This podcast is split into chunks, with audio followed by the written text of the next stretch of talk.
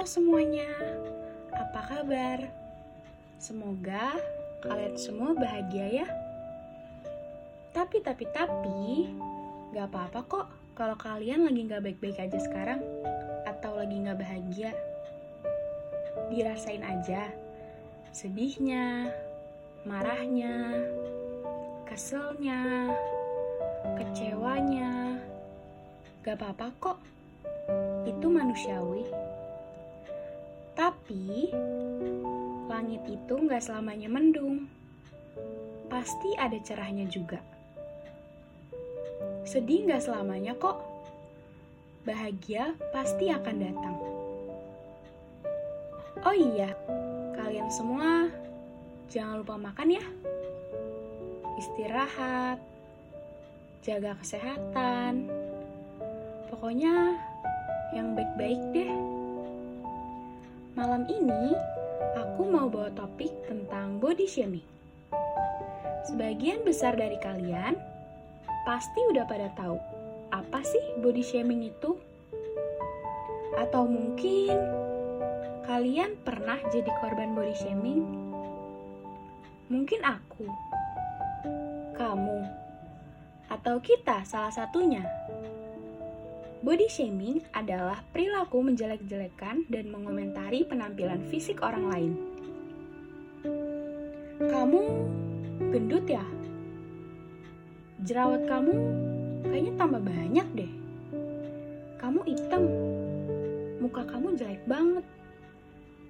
Emangnya omongan orang tuh nyakitin? Mungkin kalian yang lagi dengerin podcast aku ini ada yang pernah jadi korban body shaming? Gimana? Omongan orang tuh susah banget ya dilupain. Kadang kita lagi berusaha pede, tiba-tiba keinget sama orang yang pernah ngatain kita. Atau mungkin tiba-tiba dipatahin lagi sama kalimat body shaming lainnya. Omongan orang yang jelek tentang fisik kita rasanya susah banget buat dilupain. Kalau habis di body shamingin, rasanya tuh langsung takut ketemu sama orang.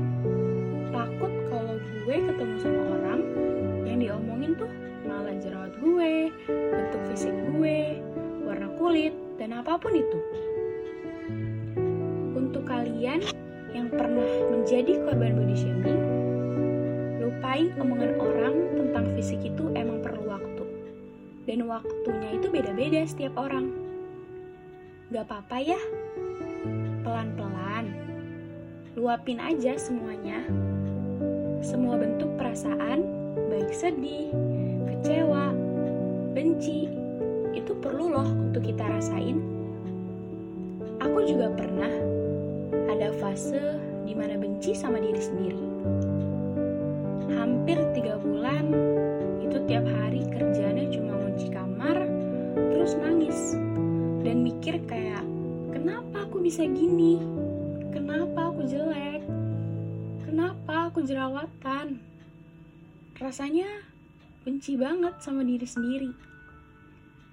Tapi, dari fase benci itu, lama-kelamaan pasti akan ada saatnya di mana kalian sudah berada di titik mau untuk nerima diri kalian dengan seapa adanya mungkin.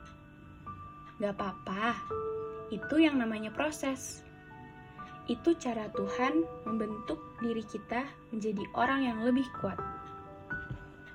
Oh iya, kalian pernah gak sih kayak kalau lagi insecure atau abis di body shaming itu pengen cerita sama orang pengen didengerin aja sih sebenarnya. Tapi kadang mereka malah kayak udahlah lu insecure mulu. Bersyukur aja sih lupain aja sih gampang. Kayak dapet respon yang kurang mengenakan. Padahal kita cuma pengen didengerin aja. Gak apa-apa. Orang lain itu gak selamanya mengerti kita yang tahu tentang diri kita ya diri sendiri. Yang tahu apa yang kita mau dan apa yang kita butuhkan adalah diri kita sendiri. Kita nggak bisa balik ke masa lalu dan nangisin hal pahit di hidup kita. Yang ada cuma hari ini dan masa depan. Apa yang perlu kita perbaikin untuk jadi versi yang lebih baik dari diri kita sebelumnya? Kalau soal omongan orang yang jahat, kalian pernah dengar gak sih quotes tentang kalau omongan orang itu nggak berdampak buat lima tahun kamu di masa depan, jangan buang waktu kamu lebih dari lima menit untuk memikirkan hal itu. Ambil hal yang baik aja dari omongan orang itu.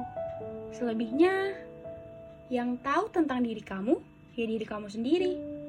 Jangan terlalu percaya sama omongan orang. Mereka aja nggak tahu proses hidup kamu gimana.